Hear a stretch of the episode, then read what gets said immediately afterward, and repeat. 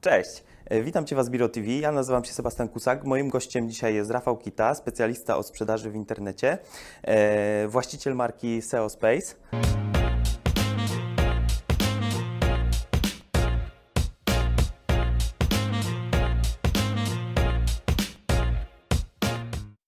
Powiedz mi, Rafale, jak w ogóle zaczęła się Twoja przygoda z przedsiębiorczością? E, No, rozumiem, że nie każdy się budzi, nie wiem, pewnego dnia i mówi, będę dzisiaj specjalistą od sprzedaży w internecie. Tak, znaczy e, moja, his- e, moja historia się zaczęła w taki sposób, że w wieku 16 lat zrobiłem swoją pierwszą stronę internetową. Z tego co pamiętam, to była strona o grach i też zacząłem robić różne rzeczy. No, domyślam się dzisiaj, że to były jakieś rzeczy typu optymalizację strony itp., żeby ta strona miała e, więcej odwiedzin. E, Z tego co pamiętam, to były jakieś liczby typu s- 100 osób dziennie, czy coś takiego. E, I, I bardzo zaczęło o to od razu rajcować, że tam, że tam ludzie właśnie wchodzą na stronę, oglądają tą stronę. Później trochę przestałem te rzeczy robić do studiów. Na studiach znowu wróciłem do robienia stron internetowych. Wtedy robiłem jako podwykonawca dla klientów. E, I to było bodajże w wakacje 2011 roku. E, Praktycznie całe wakacje uczyłem się, jak robić SEO e, i wystartowałem właśnie ze swoimi stronkami. Z tego co pamiętam, to w październiku już zacząłem zarabiać z tego pierwsze pieniądze, co też jeszcze bardziej mnie nakręciło do tego, żeby, żeby tego robić więcej i, i lepiej to robić też. A powiedz mi, to, to jest, y, dzisiaj jak o tym mówisz, to jest dosyć odległy okres czasu. Ile wtedy miałeś lat? 16? Y, Tak, wspomniałeś 16? Znaczy 16, jak zrobiłem tą pierwszą stronę, A pierwszy przychód pojawił się? e, znaczy z tego SEO, to jak miałem 21 lat. Aha, 21 lat, czyli, Tak.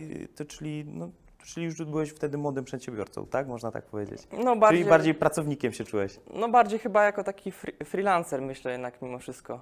Aha. Aha. Okej, Rafale, y, rozumiem, że y, jeżeli już mamy jakiś ruch na stronie, y, no to ta strona musi w jakiś sposób wyglądać. To, to, to obecnie to nazywa się landing page. Powiedz mi, Tak. co powinien zawierać taki landing page, żeby on rzeczywiście konwertował? Mhm. No, oprócz takich podstawowych rzeczy jak czym jest produkt i jaki problem rozwiązuje, po wejściu na taki landing page powinniśmy w ciągu 5 sekund wiedzieć, do czego on e, dotyczy i czy, ta, czy jest jakby rozszerzeniem e, tej reklamy, w jaką kliknęliśmy wcześniej. No bo landing e, na page się z reguły e, reklamuje właśnie w reklamach, tak? E, Czy na e, czy w e, social media, czy w wyszukiwarce, czy na displayu. Em, Później wa- warto, żeby zawierał opinię użytkowników. Y, przycisk CTA, żeby był widoczny od razu na pierwszej stronie. Call to action. Y, tak, y, Czyli, że jest, przycisk już akcji. jest takiego. finalna sprzedaż, tak? Znaczy tak, albo na przykład przekierowanie do formularza też ewentualnie może być. No i oczywiście też, żeby ten, te, te przyciski CTA były wi widoczne też ogólnie w innych miejscach na stronie. Warto też zrobić coś takiego na przykład, że jak są obrazki czy zdjęcia, to żeby na przykład osoba na obrazku przekierowywała do na przykład f- formularza albo do, przyci- do przycisku, y, albo się patrząc na ten przycisk, albo na przykład no, pokazując ręką. Mhm. E, Mogą to też być jakieś takie grafiki po prostu ze strzałkami przekierowujące na, na, ten, na to najważniejsze miejsce, tak jakby. No bo też chodzi ogólnie o to, że landing page ma jakby jeden cel. Ogólnie, w, za, w zależności no, jaki się wybierze, e, więc tak jakby ch- chodzi, żeby użytkownika przekierować do tego najważniejszego celu. Tak, czyli nasz w lan- landing page mamy określony cel, Mhm. y, który chcemy zrealizować. Tym celem może być albo sprzedaż, ewentualnie E, No pozyskanie leada na przykład, e, bądź zapis na webinar.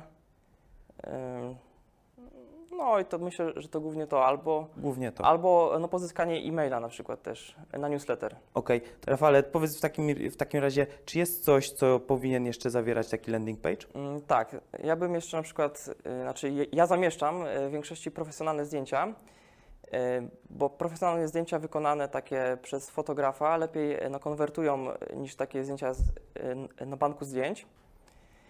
Wiadomo też profesjonalne wideo, działa dobrze. No ogólnie y, mózg ludzki przetwarza obraz 60 tysięcy razy szybciej niż tekst. Też jest fajna taka rzecz się robi, y, coś takiego jak oferta ograniczona cz- czasowo. Czyli na przykład, y, że zapis na webinar jest tam do, y, do piątku do 20, y, czy coś takiego. Czyli standardowe to, co możemy zobaczyć na innych landing page'ach, tak? tak, tak. tak. To, to jest dosyć chyba popularna forma Mhm. z tego, I co... też jeszcze taką e, fajną rzeczą na przykład na sklepach, no to akurat e, dotyczy sklepów, e, jest coś takiego, że jest informacja, że jeśli dokonasz zakupu do 15, e, to towar będzie u Ciebie jutro i to też jest motywujące dla użytkowników. Okej, czy a powiedz mi, czy sprzedażą produktów y, w sklepie internetowym też się zajmujesz? E, Tak, tak. Czyli, y, mogę, mogę, czyli zgodzisz się z taką tezą, y, że every, y, every page is landing page? E, Tak, właśnie tak, właśnie ja, ja tak myślę właśnie i e, z- e, zastanawiałem się, czy o tym właśnie mówić, ale ten, ale jak e, t- e, powiedziałeś to Ty, to Tak, to właśnie tak, Wojtek zdecydowanie. widziałem to u niego kiedyś właśnie stwierdził. To bardzo ciekawe, co mówisz, y, jak powinien wyglądać landing page, natomiast powiedz mi, y, jakie produkty tak naprawdę y, opłaca się sprzedawać przez właśnie taki landing page, Mhm. według Ciebie? To znaczy, ogólnie to wszystkie produkty, które można sprzedawać w internecie, ale jeśli odpowiadając na pytanie opłaca się, no to trzeba by to przetestować przy każdym produkcie po prostu. E, Czyli przetestować, czy rzeczywiście... Czy rzeczywiście się to będzie opłacało? Czyli muszę wydać pierwsze złotówki, żeby, Tak, e, żeby się dowiedzieć, czy to tak naprawdę się opłaca. Tak, no bo w zasadzie tak reklamować to możemy wszystko, tylko no wiadomo właśnie.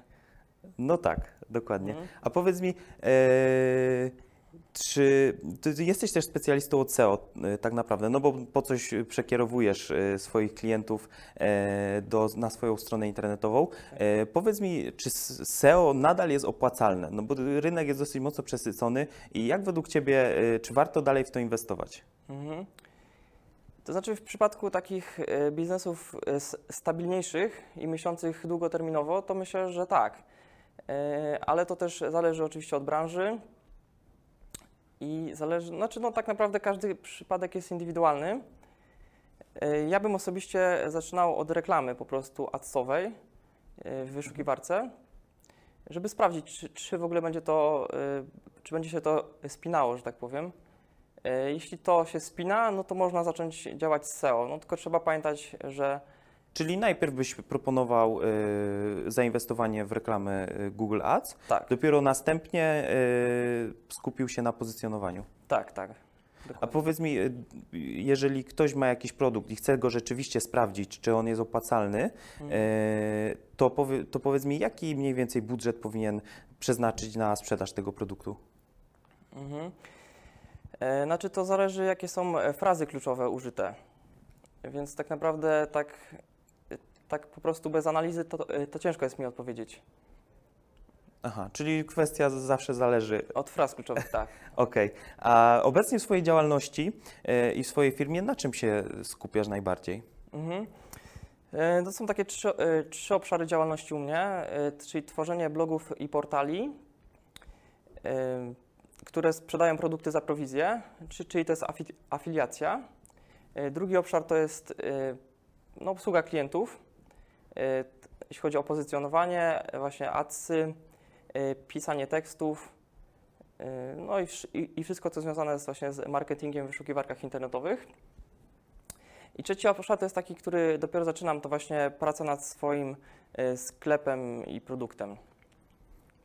Aha, to, to na pewno zaraz o tym porozmawiamy, ale powiedz mi, y, jeżeli chodzi o sprzedaż przez Google, no bo w tym Mhm. się specjalizujesz, y, jaki jest przepis tak naprawdę na sukces, żeby realnie sprzedawać e, przez wyszukiwarkę Google'a? To tu chyba się powtórzę i właśnie według mnie najlepiej rozpocząć od e, no, kampanii pł- e, płatnej e, i to przetestować po prostu. E, Czy, czy na tym etapie już się to spina? No bo jak na, jak na tym etapie się nie spina, a zrobimy e, SEO, które tam trwa zazwyczaj minimum 6 miesięcy, w zależności oczywiście od e, trudności branży i fraz kluczowych, e, no to może się okazać, że po prostu zainwestowaliśmy, a to, a to słabo działa. Czyli ja bym po prostu znowu zaczął od adsów. E, oczywiście ustawił analitykę, żeby, analitykę, żeby sprawdzić, czy konwersje są. Znaczy, że- żeby po prostu mierzyć na konwersję. E, I później dopiero zaczął działać z e, pozycjonowaniem dopiero. Okej, ale bardzo często ty jesteś specjalistą, więc y, jakby twoje pojęcie jest y, dużo, twoja, twoje pojęcie jest dużo szersze na ten temat niż, niż powiedzmy zwykłego przedsiębiorcy. E, W takim razie bardzo często trzeba skorzystać po prostu tak naprawdę z agencji, wynająć taką agencję bądź specjalistę od tego. Teraz ja, ja, powiedz mi, ja jako przedsiębiorca, nie znający się do końca na tym, jak to powinno naprawdę funkcjonować dobrze, jak mogę zweryfikować działania takiej agencji, osoby? Co, co ty byś polecił? Mhm. E, To znaczy, no, na pewno pierwsza rzecz to, czy ta agencja wysyła jakiekolwiek raporty. E, y, Jeśli wysyła, no to y, trzeba sprawdzać przede wszystkim, co się w nich zawiera. Na przykład, czy linki są z jakichś takich e, sensownych stron, czy to są jakieś ruskie, czy chińskie linki na przykład, e, co może dać od razu taką, no co może być trochę takim e, sygnałem ostrzegawczym, że tam niekoniecznie się musi Czyli wiarygodność tego, co tam się tak naprawdę dzieje, gdzie jesteśmy udostępniani. Tak, tak? z jakich miejsc jesteśmy linkowani właśnie. No i chodzi, jeśli chodzi już o sam raport, e, no to e, patrzyłbym na takie trzy czynniki jak wzrost widoczności. Jeśli chodzi o frazy kluczowe i wyświetlenia, to możemy sprawdzić w, no Google Search Console. E, Druga kwestia to wzrost ruchu strony. Mm, To możemy tam sprawdzić sobie narzędziem e, no, typu Analytics czy Yandex Metrika. E, No i dalej to, czy konwersje są po prostu, czy, czy ten, czy dzięki temu zwiększa się, zwię- zwiększa się sprzedaż. Pozwól, że ci przeszkodzę, ale Mhm. y, czyli, no bo z jednej strony zatrudniamy agencję, a mówimy też o narzędziach analitycznych Mhm. typu Google Analytics, Google, Se- Google Search Co- Co- Console. Y, W takim razie powiedz mi, no to też ktoś musi nam tak naprawdę y, zoptymalizować to pod kątem tego, co my chcemy uzyskać, jaką wiedzę z tego wyciągnąć. Tak, znaczy no e, w ogóle te, Czyli narzędzia... podstawą, jak, pod, od, podstawową rzeczą, jaka powinna zrobić agencja, to po prostu zweryfikować te narzędzia. Tak, znaczy w sensie no, powinna na początku y, działalności po prostu je y, zainstalować y, i nam udostępnić oczywiście, żebyśmy mieli do tego wgląd. Okej, czyli y, agencja powinna najpierw je y, wdrożyć, jeżeli ich nie mamy, a Tak. później je zoptymalizować pod tym kątem, i żeby nam dała jakieś rzeczywiste informacje, tak? Mhm, tak, tak. Okej, a y, powiedz mi w takim razie, y, jak, z jakimi ty się y, rzeczami takich y, stricte patologicznymi to nazwę, y, w współpracy z agencją, y, ewentualnie z jakimś pracownikiem, z jakimi ty się najbardziej y, z takimi patologicznymi sytuacjami spotkałeś? Mhm. Czy zdarzyło ci się sprzątać po kimś tak naprawdę to, co, to, co narobił? Tak, znaczy no to są no, częste przypadki. No chyba największy problem jest taki, że po prostu agencja nic nie robi na przykład. E, Jeśli chodzi o optymalizację strony, optymalizację te- tekstów, albo właśnie używa takich metod linkowania, które działały tam lat e, temu 5 czy 10. E, One często cały czas jeszcze działają, te metody linkowania, ale to zazwyczaj krótkoterminowo działa i w takich branżach prostszych i zaspamowanych. No i to są chyba takie główne rzeczy, które można tutaj wymienić. A okej, wspomniałeś też, y, że chcesz tworzyć własne produkty i sam je sprzedawać poprzez własne strony.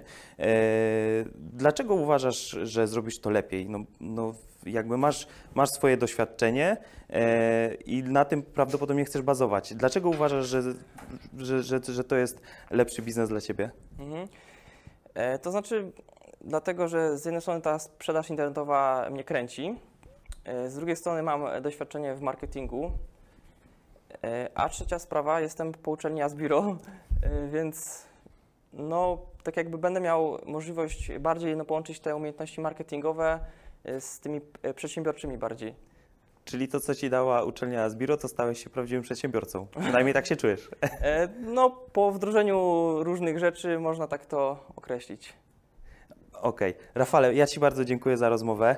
E, zapraszam Cię do, komenta- do komentowania naszej rozmowy. E, jeżeli Ty spotkałeś, spotkałaś się z jakimiś sytuacjami patologicznymi w swoim pozycjonowaniu, koniecznie powiedz nam o tym w komentarzu. Ja zapraszam Cię do subskrypcji i dziękuję za, za rozmowę. Dzięki. Dzięki. Nie planowałem w ogóle iść na studia. Zobaczyłem, że Asbiro otwiera licencjat, no i wtedy uznałem, że warto. Od razu w sumie byłem przekonany, no bo nie wiem, czy jest na świecie druga uczelnia, na której wykładają w sumie sami przedsiębiorcy. Ja myślę, że jeżeli chodzi o rankingi, to wyobrażam sobie, że Asbiro mogłoby spokojnie być najgorszą szkołą w rankingach w Polsce, a ja myślę, że nie mogłem trafić lepiej. Zajęcia na uczelni Asbiro są mega praktyczne, pod warunkiem, że albo prowadzi się biznes, albo myśli się o założeniu biznesu. Jest się osobą z takim myśleniem przedsiębiorczym już. Na Zbiro jest 100% wiedzy i to jest ten wyróżnik, e, który zdecydowanie działa na plus. Na zajęciach przede wszystkim poruszamy aspekty dotyczące sprzedaży, dotyczące marketingu, zarządzania, tego jak tworzyć firmę, jak nią kierować, System myślenia. Jak sprzedawać, jak e, rozmawiać z klientami. jak zbudować biznesplan krok po kroku. negocjacje, mamy marketing, mamy prawo, finanse, zarządzanie produkcją. Ja nie mogę wymienić wszystkich zakresów, wszystkich wykładowców i wszystkich tematów, bo tego jest po prostu za dużo. Atmosfera na zajęciach jest bardzo otwarta. Mamy kontakt z wykładowcą, możemy się zapytać. To nie jest tak, że wykładowca prowadzi, a my tylko słuchamy, tylko zawsze możemy się zapytać coś. Możemy go zapytać o nasz konkretny case biznesowy, jak on by to widział, albo co myśli na ten temat. No i to jest ta wartość taka dodana do, do całej uczelni. Najbardziej zapadły mi w pamięć zajęcia z Marcinem o BHP. Bardzo mi zapadły w pamięć, e, mieliśmy taki długi blok z zarządzania, e, wtedy pisaliśmy biznesplan pod prezentację dla e, inwestora, coś co się faktycznie może przydać. Wykłady na pewno były praktyczne. Otworzyły mi też horyzonty na, na sprzedaż, bo tym się teraz głównie zajmuję pośrednictwem w nieruchomościach, więc też pomogły mi jakby dopasować się do potrzeb klienta. Zajęcia z Mikołajem Heweltem e, z Forum Działalności e, Gospodarczej, dlatego że też to jest mi bliski temat w ramach e, prowadzenia mojej działalności. Zajęcia są praktyczne, zajęcia nas przygotowują do e, prowadzenia działalności, do tego, żeby prowadzić swoją działalność w lepszy sposób. Wiedza, którą dostałem na e, wykładzie, chyba w niedzielę, we wtorek ją e, zaczyna, zacząłem wdrożyć. W niedzielę już e, w weekend mieliśmy e, realne przełożenie na wyniki sprzedażowe. Super. Cały czas jest coś innego i to cały czas jest naprawdę ciekawe i angażujące. A Zbiro na tle uczelni różni się przede wszystkim podejściem wykładowców do studentów. Nie ma oficjalnych form, mówimy do siebie po imieniu, nie ma żadnych barier w kontaktach. Praktycznie wszyscy wykładowcy są przedsiębiorcami, prowadzą własne działalności. Nie są to przypadkowe osoby, Większość jest y, przedsiębiorcami. Tylko osoby, które naprawdę osiągnęły bardzo dużo w swojej karierze. Mają doświadczenie, Opowiadają o swoich biznesach. Nie mówią suchej teorii, tylko mówią tak, jak my to możemy wykorzystać u siebie w firmie. Można się z nimi spotkać, porozmawiać, zadzwonić, napisać maila, jeżeli jest jakiś problem w biznesie, można się z nimi skontaktować. Przygotowują nas też do tego, żeby nie dopuścić po prostu do przystopowania firmy albo co gorsza do jej upadku. Czy Asbiro to jest normalna uczelnia? Tak, no normalnie kończysz licencjat, robisz, tylko to przebiega po prostu zupełnie inaczej. Zaliczenia nie są tutaj tak super ważne. Najważniejsze jest to, żebyśmy jak najwięcej z tych zajęć wyciągnęli. Skonfrontowałem to z po, poprzednią uczelnią i po prostu czułem się bardziej na, jak na kursie jakimś tam biznesowym niż na uczelni. Jesteśmy rzeczywiście traktowani jak klienci Asbiro, a nie petenci. Na studiach normalnych, powiedzmy na jakiejś uczelni państwowej, w większości mamy e, ludzi, którzy nie mają jeszcze żadnego doświadczenia. Wykłada ktoś y, na etacie przedsiębiorczość, a nie ma, z tym, nie ma pojęcia. Osoby, które wychodzą z tamtych uczelni, mają inne podejście biznesowe niż osoby wychodzące z Asbiro. I to widać już po pierwszym roku.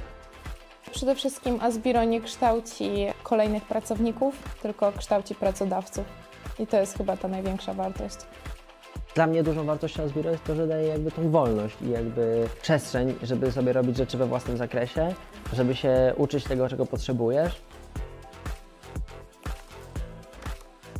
A Zbiro mi się kojarzy z praktyką. Mi się niesamowicie kojarzy właśnie z wszystkim, co jest praktyczne do wdrożenia na, na już na teraz, bez narzekania, bez jakichś niepotrzebnych pierdół, tylko do, do działania.